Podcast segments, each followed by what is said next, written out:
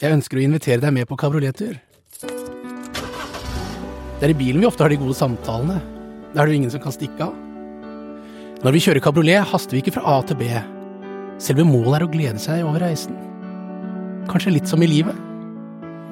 Og hva er vel mer naturlig enn å ha med seg gjester på den reisen, som har historier å fortelle? Hjertevarme og morsomme historier om ledelse, mot og livsmestring. Livsglade historier som inspirerer oss til å bli modigere som mennesker og som ledere. Velkommen til På kabriolettur med Røyne. Mitt navn er Svein Harald Røyne. Beklager dårlig lyd i denne episoden. Om få episoder har vi bedre lydkvalitet. Nå har jeg fått med meg Siri Abrahamsen. Ja. eh, som er både forfatter og foredragsholder og gledesspreder og alt mulig rart. Eh, alt mulig rart. Ja. Eh, og dette her har jeg gledet meg veldig til i lang tid. Jeg òg har gleda meg masse. Det er en ære å få være i kabrioleten Ja, det ja, det må jeg si. Ja, så hyggelig. Ja, Ja. det syns jeg. Så, um, så det, at du har kommet til Oslo bare for å bli med på tur med Ja, meg jeg fløy inn i dag, Ja. ikke sant? ja, det var nesten sant, da. Nesten ja, nesten sant. ja. Ja. Og for en stor bonus. En stor bonus. Ja, Ja, veldig For meg, ja. Ja. du er en fin fyr, vet du. Det er kjekt å være med ja deg. takk skal du ha. Du er en fin dame, så det er hyggelig å ha deg, ha deg med òg. vi eh, Kanskje du eh, Kanskje du skal fortelle hvem du er Ja. til seerne? Og det er et stort spørsmål. Eh, Hvem er du? Ehm, jeg er i hvert fall Og hvorfor? Stort sett, ja, jeg er i hvert fall stort sett eh, veldig glad og fornøyd. Eh, jeg eh, jeg syns livet er ganske spennende Ja. og interessant. Og jeg, eh, jeg er veldig nysgjerrig på alt som fins og er. Eh, og så jobber jeg som foredragsholder, skriver barnebøker. Um, har Og tre barn. Ja, og voksenbøker. Ja. Det hørtes kanskje litt feil ut. Ja, det, barnebøker og voksenbøker. Eh, bidrar i hvert fall til at vi skal gjøre hverandre godt og gode. Ja. Det syns jeg er viktig. Mm. Så hvem er jeg? Jeg syns det er et, eh, alltid vært et interessant spørsmål. For det er jo litt sånn hvem jeg har lyst til å være, egentlig. Ja. Er ikke det? Kan du bestemme det?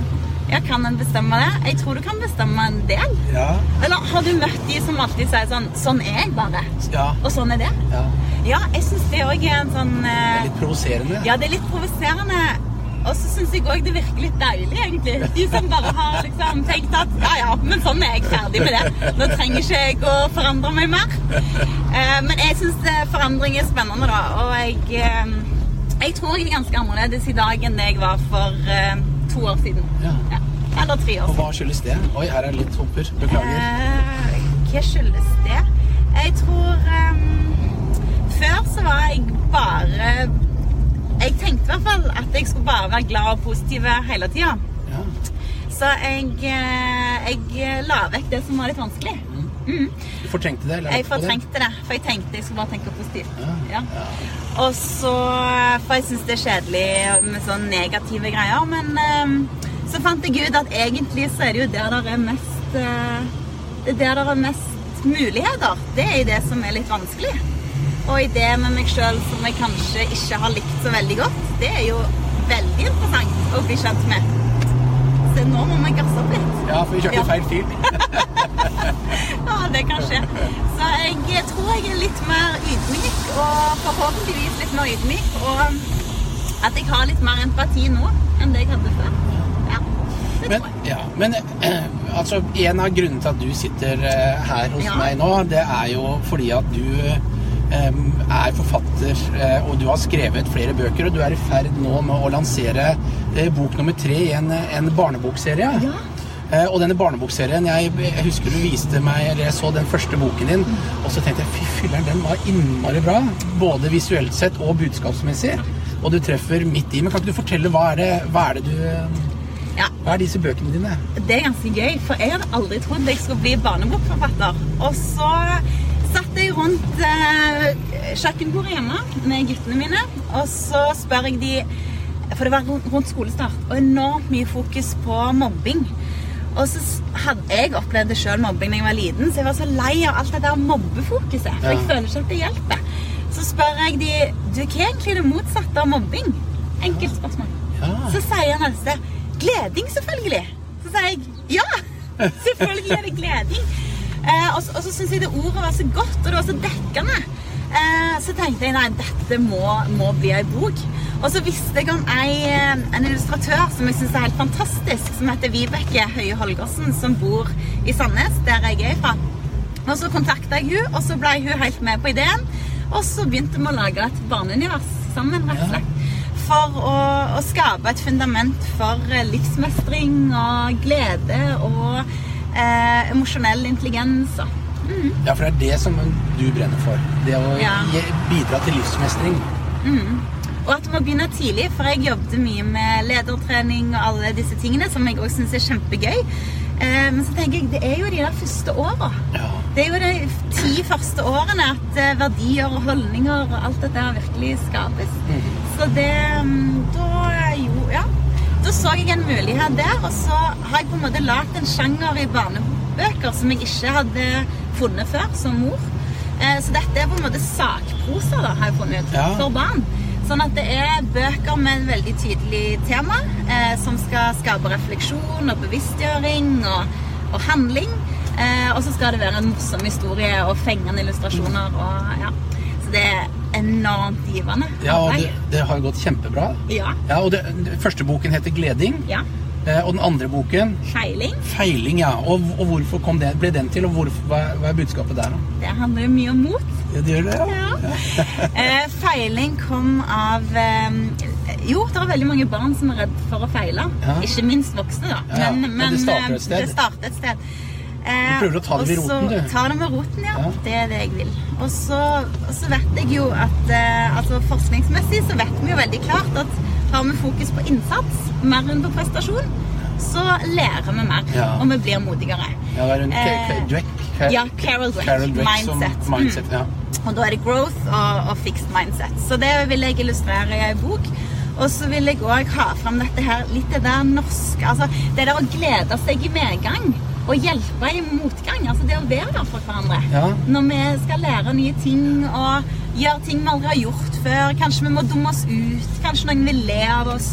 Men da ha den robustheten i oss til å tåle den motgangen. Ja, ja. Og til å tåle å gå på trynet. Eh, det var jeg litt eh, Ja, det hadde jeg lyst til å, å gjøre videre. Og at gleding òg handler om å gjøre hverandre gode når vi er litt usikre. Mm. Jeg, jeg, det der, jeg liker det. Jeg, jeg leste nå nylig om eh, et ord som ble kåret til årets ord i, i, i England i 2016. Ja. Og vet du hva det var for noe? Nei? Eh, det var eh, Jeg oversatte til norsk da 'snøfnuggbarn'. Snøfnuggbarn? Ja.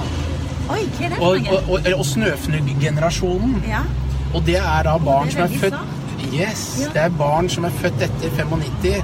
Det er jo disse barna som vi kaller for curlinggenerasjonen. Vi, at vi børster veien foran dem, eh, så at ikke de skal møte noe motgang i livet sitt. Og det, som, det det ender opp med, er at barna blir snøfnugg. Ja. Ja, vi ønsker at barna skal være unike og være helt sånn som snøfnugg er. Problemet også er at disse snøfnuggene, vet du, de er jo utrolig sarte. De forsvinner. Og, og vi ser jo nå hvor mye eh, ungdom sliter og, med, med psykiske utfordringer. Og robusthet, det er på en måte ikke lenger eh, Vi lærer ikke ungene robusthet. Og derfor så tenker jeg det at når du skriver boken om feiling, at det er lov å feile, så er jo det et bidrag til robusthet hos barn. Så jeg liker Og- den så innmari godt. Og der begynner det jo med at de skal på sirkus og gjøre noe de aldri har gjort før. Og så sier mammaen til Lykke, da, som er en av hovedkarakterene i boken, at eh, da må du huske å være flink. Ja. Sant? Og så finner de ut at kanskje det ikke er så viktig å være flink. Kanskje det er viktigere å være modig og, og gjøre sitt beste og ha det gøy i tillegg.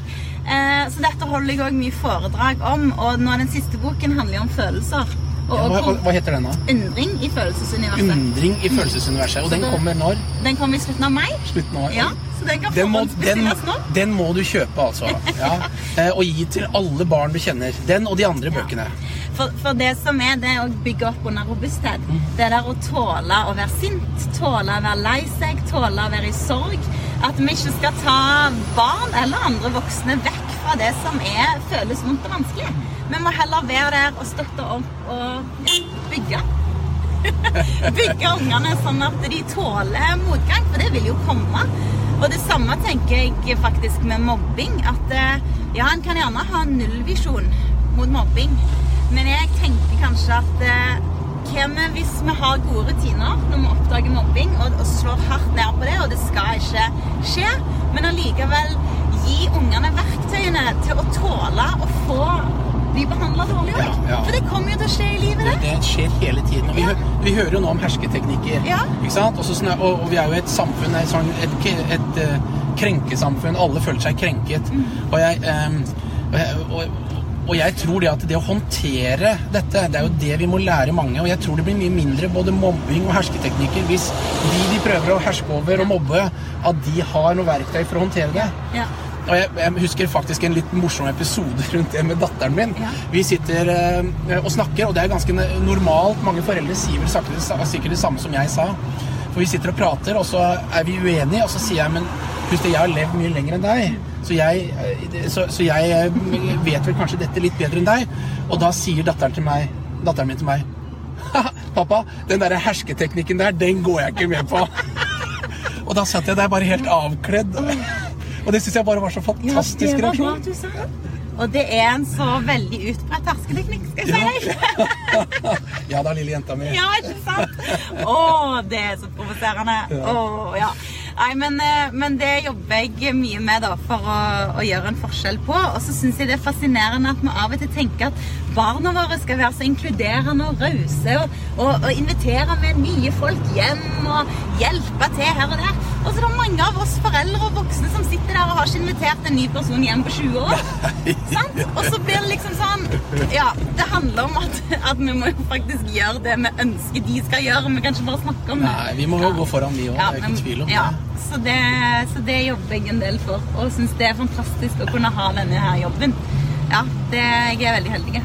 Jeg tror det er det. Ja, jeg er det. men så er du også flink. Takk. Det er jo det som er eh, Altså, vi trenger, eh, vi trenger mennesker i dette landet som virkelig kjemper for disse tingene.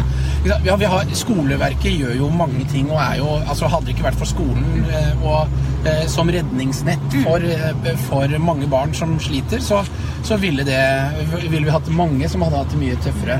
Men samtidig så tror jeg skolen trenger hjelp. Vi trenger hjelp av sånne som deg og, og, og, og andre som, som engasjerer oss i sine foreldre. Og jeg tenker på hvor mye midler Og det kan være banne i kirka, da. Men, eh, men altså hvor mye midler vi bruker på lederutvikling. Sant? Og for all del, fortsett med det. Og gjerne med Svein Harald. Yes. Ja, men, eh, eller meg. Men, men poenget er at eh, hvor mye tid bruker vi på å reflektere over hvem vi er som foreldre?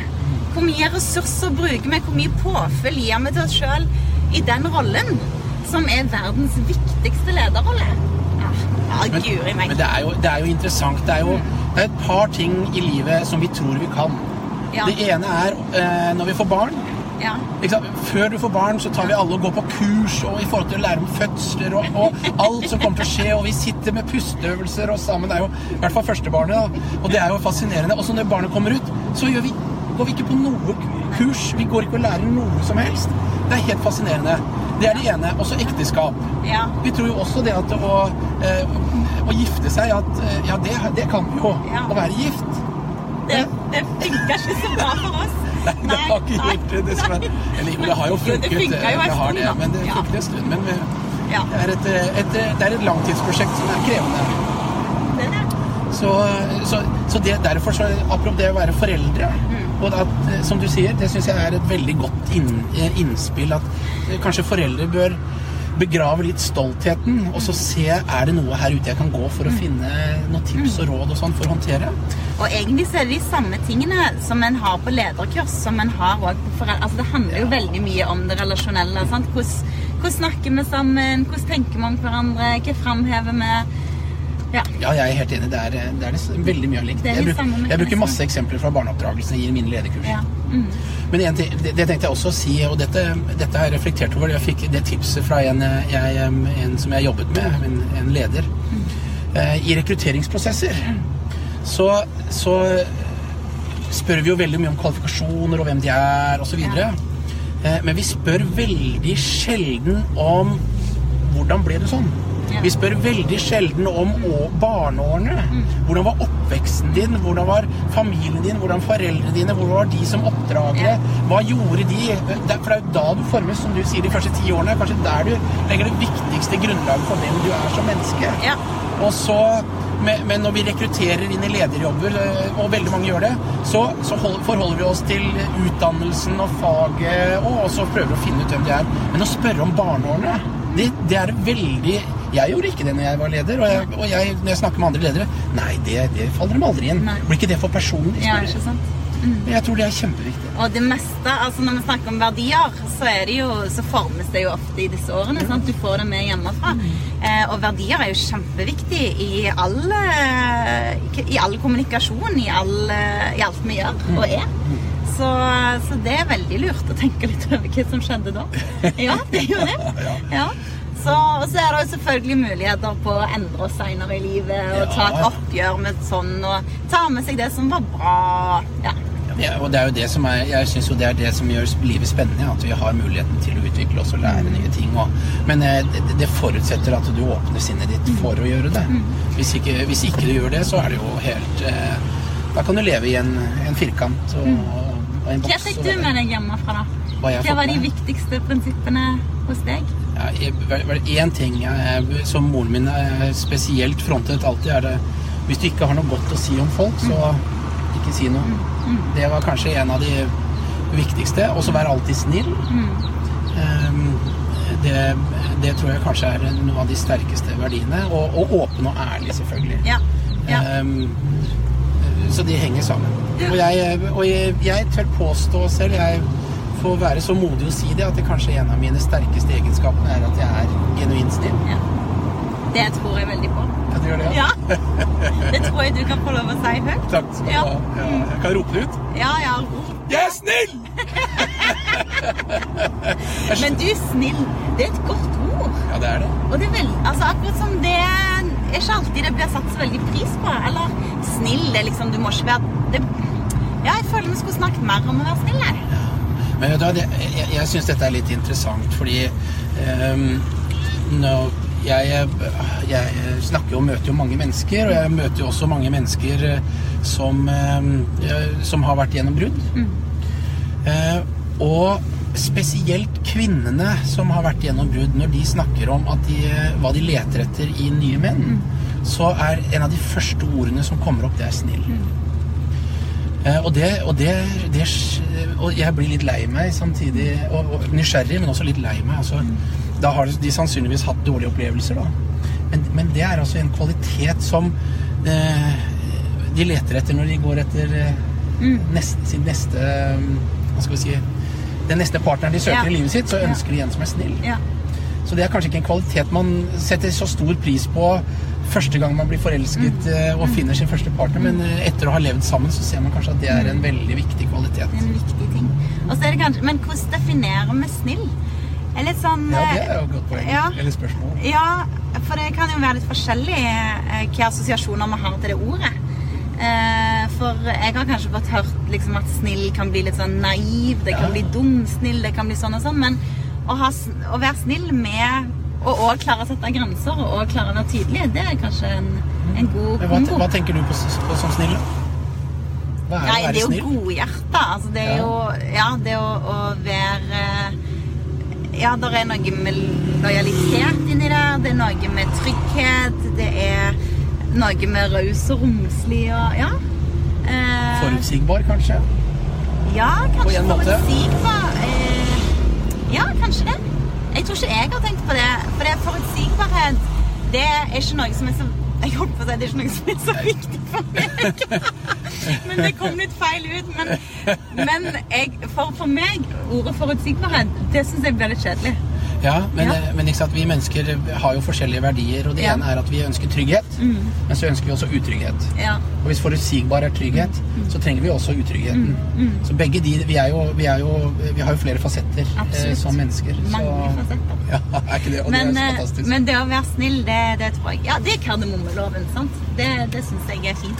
Og, eh, og i boken 'Gleding' så handler det jo mye om det. Altså hva er det vi gjør hva er det vi gjør for andre? Og det som jeg syns kom veldig godt ut av den samtalen med guttene mine der, Det er at jeg spør ok, gleding, hva handler det om? Jo, det er når vi, når vi gjør mot andre sånn som vi vil at de skal gjøre mot oss. Mm. Og så sier han andre ja, men det er jo ikke sikkert at det som gjør deg glad, er det som gjør meg glad. Sant? Det er ikke sikkert måten jeg er snill på, er sånn som du tenker. Ja. Og det syns jeg er viktig da, i, i alle relasjoner, i um, det å gjøre hverandre gode. Det er å spørre det der Hva er det som gjør deg glad? Ja. Ja, hva er det som Når opplever du at folk er snille med deg? Hva er viktig for deg for at vi skal ha det bra sammen? Og, det, og dette, dette kaller, jeg, kaller platinumregelen. Ja. Um, altså Platinumregelen. Platin- Kult. Ja, det, du har den gylne regel, det er Ja. gjør mot andre som vil at andre Ja. Mm. skal gjøre mot deg. Men platinumregelen er gjør mot andre slik som de vil at du skal gjøre mot dem. ja, stemmer det. Sant? Så Ja. uh, eh, eh, Det er fint. Ja. Og, det er jo, og dette er jo det jeg snakker om i forhold til eh, med kjærlighetens fem språk. Altså Mm. dette med hvordan man uttrykker kjærlighet. Og hvis du prøver å uttrykke kjærlighet på den måten som du liker å uttrykke kjærlighet på, så kan det hende at partneren din har andre behov for å bli uttrykt kjærlighet. Mm. Kan det være sånn tips til helga for de som ser på? Finne ut hva kjærlighetsspråk folk går rundt i har? Veldig bra. Ja. Det syns jeg du skal gjøre. Og det er fem forskjellige. Ja. Det er tid, tjenester, eh, ord, fysisk kontakt og Gaver. gaver. Gjentar det. Altså tid eller gjør, altså at vi har tid til hverandre, eller man gjør tjenester for hverandre. Eh, eller at man eh, gir ros. Eh, Fine og ord. fine ord. Gode kommentarer. Ja. Eller at eh, du eh, gir gave. Eller at det er fysisk nærhet, kontakt, eh, eh, sex osv. Så, videre. så diskuter hva som er kjærlighetsspråket, og finne ut hva den andre setter pris på. Og så er det én ting Sannsynlig så er det mange som har forskjellig kjærlighetsspråk. Og eh, Mange òg flerspråklige. Ja, det er det du Nettopp, mener? ja. Ja. Og, og så tror jeg Og da tror jeg også det er viktig at eh, For det er ikke sånn at finner du at den du bor sammen med har et annet kjærlighetsspråk enn deg, så må du Så er det slutt. Nei, det er ikke sånn. Uff, nei, det å tilpasse seg hverandre Nettopp. og være bevisst på at, At du er bevisst på det. at hvis du tar det oppvaskmaskinen, så er det ikke sikkert at partneren din tenker at å, shit, han eller hun elsker meg masse. Nei, nettopp. Sånn var det det var. Det er akkurat sånn det er. Det er helt riktig. Mm. Så, så det er ikke nok å ta ut oppvaskmaskinen hvis den eh, partneren din har lyst på en, En god klem. En god klem. Ja. Det er helt riktig. ja. Så Sånn, det var, det var bra greier. det er kjempedeilig. Vet du hva, tenk Hvis hele Norges land nå drar Ja. hjem og finner ut dette her, tenk, tenk hvor mange ekteskap eh, vi kan redde. Ja, Ja, det er vært fantastisk. Ja, Jeg tenker sånn, jeg. ja, ja sånn tenker jeg. redder vi ett, så er det mer enn nok. Ja, ja. Og, men òg, dette gjelder òg barnene eh, Altså barna våre Det gjelder egentlig alle som vi har nære relasjoner til. At vi viser at vi er glad i hverandre på ulik vis. Ja. Så det er greit å være, å være bevisst på. Og så går det òg an å ta fra gleding, liksom. Hva er det som gjør deg glad her hjemme? Når syns du vi har det Ja. fint sammen? Ja. Bare snakke om de tingene som er så banale, men som kan bety en enorm forskjell. da. Ja, og, det, og jeg må jo si det at eh, samtalene blir utrolig mye hyggeligere når man, når man og interessante når man begynner å stille denne type spørsmål, enn en bare 'hva skjedde på skolen i dag', Ja. eller mm. Ikke sant? Fordi jeg, jeg tror eh, det, Den bevisstgjøringen, den gjør noe med livskvaliteten. Mm. Gjør det. Ja, gjør det. Så det er fint. Da har vi fått, uh, fått snakket litt uh, om det. Ja. ja.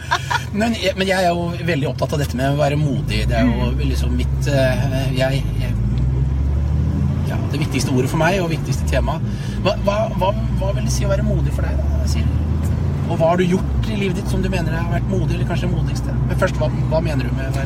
ja jeg, jeg har tenkt mye på det. eh, for jeg leste jo boka di for lenge siden, og, og jeg er veldig fan av den.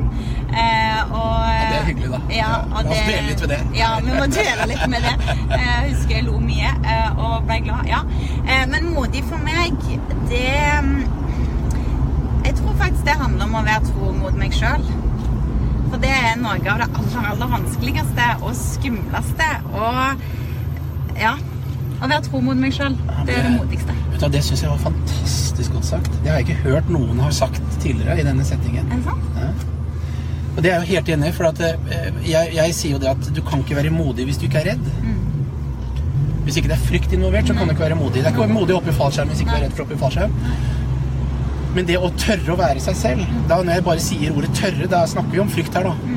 Og det å tørre å være seg selv. Ja, og der kommer det nye utfordringer hele veien i Hele livet. tiden i livet, ja. og, og i møte med nye relasjoner, i møte med kanskje nye jobber, altså alt mulig, så blir en møter seg sjøl i døra Ja, hele veien. Så det føler jeg en sånn konstant åh, klarer jeg å være meg sjøl nå? Tør jeg? Eh, går jeg inn for det, eller holder jeg igjen her?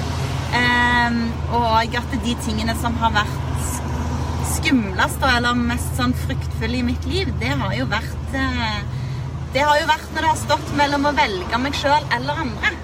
Og det å sette meg sjøl først. For det at eh, alternativet koster meg for mye. Eh, og det koster de rundt meg for mye. Men jeg tror ofte at vi tenker at det å være tro mot oss sjøl, det høres fort ut i manges ører til å være en egoistisk Ja, ja. Og i egoisme ligger det masse skam, sant? for det å være egoist det er jo veldig tabu. Men, men her, og jeg vet eh, Bianca, vår felles venn, hun også snakker mye om sunn egoisme. Sant? Ja. Det der at det, ja, men faktisk så må du ta ansvar for at du skal ha det bra. For at du skal klare å være en god mor, for å være en god partner, forelder, venn, eh, eh, kollega. Alle rollene vi har, da. Hvis vi, Det er som å ikke ta dette oksygenen på flyet ja. ja, ja, det er jo det. Og hvis vi ikke tror mot oss sjøl, så mener jeg at da, da mister vi kanskje det viktigste ansvaret vi har, og det er å, å, å bli den vi er meint til å, å klare å være når vi er på vårt beste. Altså den der Ja, å tørre å være oss sjøl, rett og slett. For det er jo det som Det er det verden trenger, tror jeg, da. Ja, alle, verden trenger jo originaler. Ja. Vi trenger ikke masse kopier. Så det Og jeg treffer så mange, for jeg har jo mye sant, både i foredrag og i samtaler, folk som sliter sånn, altså, med å tørre å gå for det de egentlig vil. Og tørre å gå for det de egentlig tror på. For det at eh, Ja, og jeg mener jo det å være modig, sånn som du sier, og det, det henger også sammen med verdier. En er, eh, en er modig når, når det gjør vondt. Og når nesten uansett hvilke valg du tar, så vil det være smertefullt. ja. Ja, da, da må en hente fram mot motet. For mange sier jo til meg å, du er så modig som reiser rundt og holder foredrag. Ja, men jeg elsker å holde foredrag. Ja, så det er ikke modig. Det, er ikke modig. Nei, det er ikke modig Det er ikke modig å stå på scenen Nei. hvis ikke du er redd for å stå på scenen. Nei, det hadde vært modig for, for noen andre hvis de syns det er skummelt, men jeg syns ikke det er skummelt. Eh, men det er mange andre ting som jeg har eh, gått igjennom. Eh, alt fra å altså bytte jobb Selvfølgelig, skilsmisse er jo det aller, aller vanskeligste, for jeg, eh, jeg var glad i han jeg var gift med, men det funka ikke. Eh, og det der da å tørre å være tro mot meg sjøl og vite hva som må skje her, kontra å bare holde ut, for det blir mest behagelig for folk rundt meg. Og, da, og da har du fått sannsynligvis spørsmålet noen ganger Ja, men har du tenkt på barna? øh, Og det er en så fascinerende ting til alle dere som kjenner noen som har vært i samlivsbrudd med barn. De har tenkt på ungene! de har tenkt på ungene. Ja. Ja. Det er det vanskeligste av alt. Det Og selvfølgelig så er det jo det som, som gjør det ekstra vanskelig. Det er jo fordi en har jo lyst å gi ungene sine alt det gode og beskytte dem, som man allerede har snakket om, Mm. mot alt vondt. Men jeg kan si at med å være tro mot meg sjøl, så vet jeg at jeg er en bedre mor. Og det, det vet jeg uten tvil. Men ja, har du tenkt på ungene? Altså, folk sier så mye merkelig. Ja, men det er ubetenksomt sannsynligvis. i veldig, ubetenksomt. Jeg tror ikke de vet hva de skal si. Nei, Nei, det er vanskelig å forholde seg til det. Ja, det er det. Ja, mm. Men, eh, men det å være modig, være tro mot seg sjøl. Ja. Og finne ut hva du egentlig vil, for det er det òg mange som sliter med. Så et tips der var jo det eh, som jeg fikk av eh, tips fra Jan, som sa til meg Siri, gå hjem og, og skriv en sånn instruksjonsbok om deg sjøl. Sånn, hvis du hadde vært en vare i butikken, Svein Harald, og så kom du med en bruksanvisning Do's and don'ts. Hvis du skal være partneren din, vennen din, kollegaen din hvordan funker du da? Hva else? Hvis du har en lørdag uten noen planer, hva gjør du da? Hva er det bare du Du har, laget, har du laget en bruksanvisning på deg selv? Du, jeg har snart begynt å lage bruksanvisning. Ja. Jeg er ikke ferdig, for det er sånn, den skal jeg fortsette på, for det er veldig gøy. Og da får en lov å tenke litt, ja, men ja, hva er mine behov? Ja. For det jeg treffer så mange, de vet jo ikke behovene sine er, og jeg har slitt med det sjøl. Ja. For det er òg litt sånn egoistisk igjen. ja, det er det vi er. Ja, vi må ta opp kampen mot det der, altså. Ja. Mm. Men jeg husker en gang Og jeg for så vidt eh, Jeg jobbet med en person, og jeg har hørt deg også si det samme. Eh, Men det var en person som eh, var så modig å innrømme overfor kollegaene sine at, at vedkommende var ensom. Og det syns jeg var kanskje noe av det modigste jeg har hørt en person si eh, overfor andre mennesker. For da, var, det- da fikk de nemlig spørsmålet er det, er det noe du aldri har sagt til andre mennesker før, som du, som du tør å dele med, med dine kollegaer her nå. Dette var et lederutviklingsprogram. Og, da, eh, og da, når vedkommende sa det, så eh, Da ble det helt stille rundt. Og det var veldig vanskelig for de andre å forholde seg og, vite hva de skulle si da. Men det var kanskje av, et av de sterkeste øyeblikkene når vedkommende innrømmet det. At eh, vedkommende var ensom. Og det er jo mange som er det. Og, ja, og det kan du være både i ekteskap og uten Ja. å ha noen rundt deg i det hele tatt. Det har ingenting med, med fysisk om man er alene eller ikke å gjøre. Det er jo det. Og ensomhet er jo en veldig voksende utfordring i vårt samfunn. Mm. Og veldig sånn skjult eh, Mye skjult Ja, skammelig å føle seg ensom for mange. skam, ja. Så det er kanskje en annen ting du kan gjøre i helgen også, du som ser på. Hvis du føler at du er ensom, så del det med noen. Bare det å få delt det, eh, at du er ensom med andre mennesker, gjør noe med, med deg.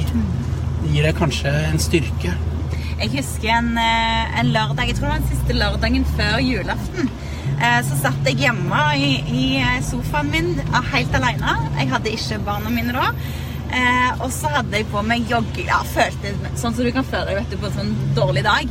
Og så var alle på Instagram var da på julebord. Nummer tre, fire, fem, seks.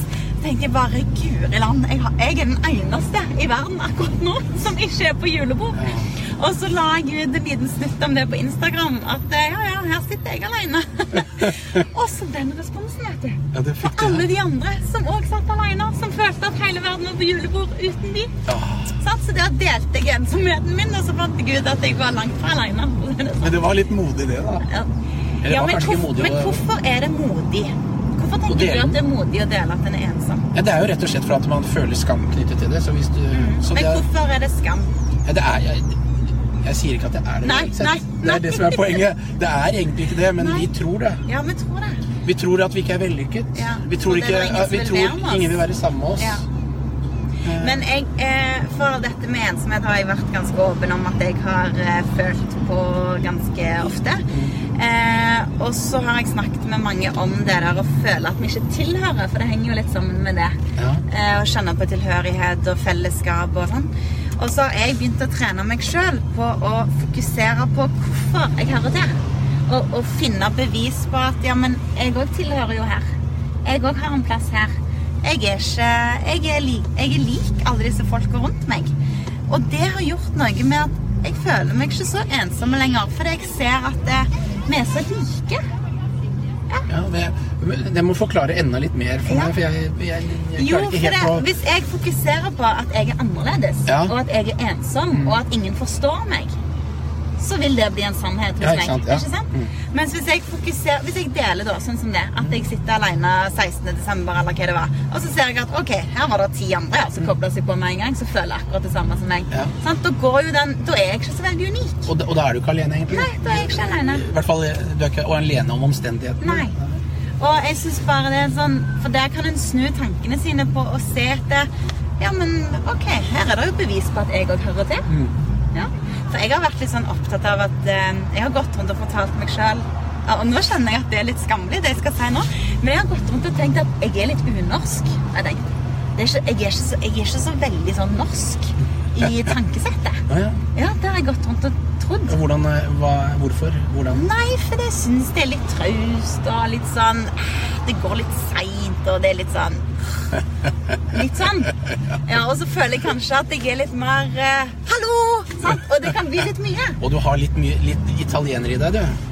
Ja, uten temperament, på en måte. Men ja, ja jeg, har, jeg er litt Ja. Eh, men så har jeg funnet at nei, jeg, jeg kan jo slutte å fokusere så mye på det. Jeg er jo like Altså, jeg er jo norsk, jeg. Ja. Jeg er jo født her, og ja, jeg bor her. Det går fint. Ja. Men det er veldig, vi er veldig opptatt av fokus, da. Og hvordan vi lager oss disse her sannhetene om, om hvem vi er og ikke er. Men du vet hva, nå, nå begynner dette å bli en lang samtale. Um, og, det er, og det er veldig koselig. Kunne, vi kunne fortsatt i timevis.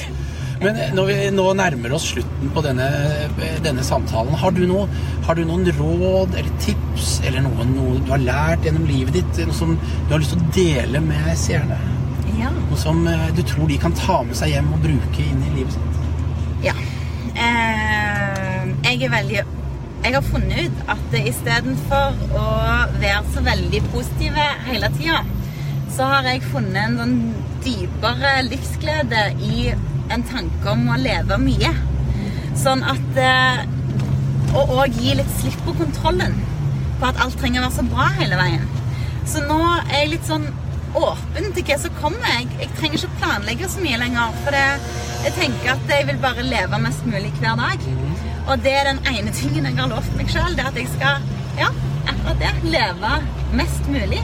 Og hva det betyr for meg. Og jeg tror hvis flere hadde funnet ut åh, hvordan kan jeg leve best, mest mulig på min måte, så tror jeg faktisk eh, det hadde vært lettere å være tro mot seg sjøl, og jeg tror vi hadde fått en bedre verden. Det var jo fantastisk. Hæ? Tror du det? Å leve mest mulig. Ja. Leve mest mulig hver dag. Jeg liker det. det, det jeg føler på en måte at det du nå sier, det er det samme som, som jeg har skrevet i boken rundt dette med eh, Post-It-lappene.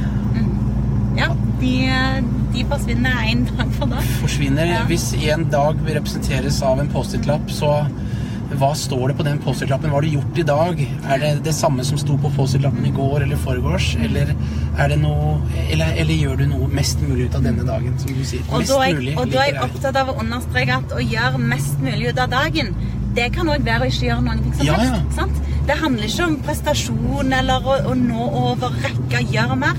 Men det handler om å liksom ha ditt bevisst forhold til at OK, i dag er det, i dag er det fredag, da. Men tenk hvis det hadde vært en onsdag. Så trenger jeg ikke vente på fredag før det liksom skal bli gøy igjen. Nei. Da kan denne onsdagen bli fin. Ja, da kjører vi kabrioletur Ja, midt i Oslo. Ja.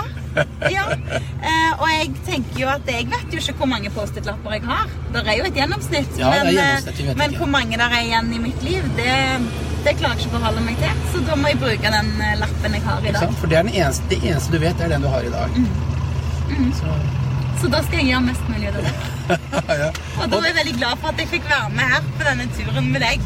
Jeg er veldig glad for at du ville være med på denne turen her. Er, vet du hva, jeg syns vi har hatt en utrolig herlig prat eh, og samtale. Og jeg håper at, eh, at eh, dere seere har hatt glede av å være sammen med oss på denne turen. Ehm, Vi, I hvert fall så har det vært veldig lærerikt for meg og interessant, og, og ikke minst koselig.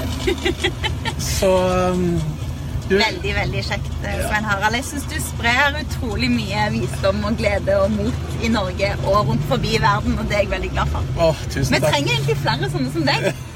Ja, så Å, huff a meg. Nei, ble det for mye? Ja, vi skal ta det litt ned etterpå. Det går bra.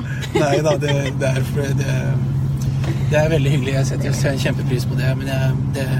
Og jeg tror at verden trenger deg og flere som deg. Så. Ja da. Men Vi holder nå på. vi holder på så godt vi kan, og så blir det bra til slutt. Alle episodene ble også filmet. Hvis du har lyst til å se videoene, finner du de og meg på sveinharaldrøyne.com.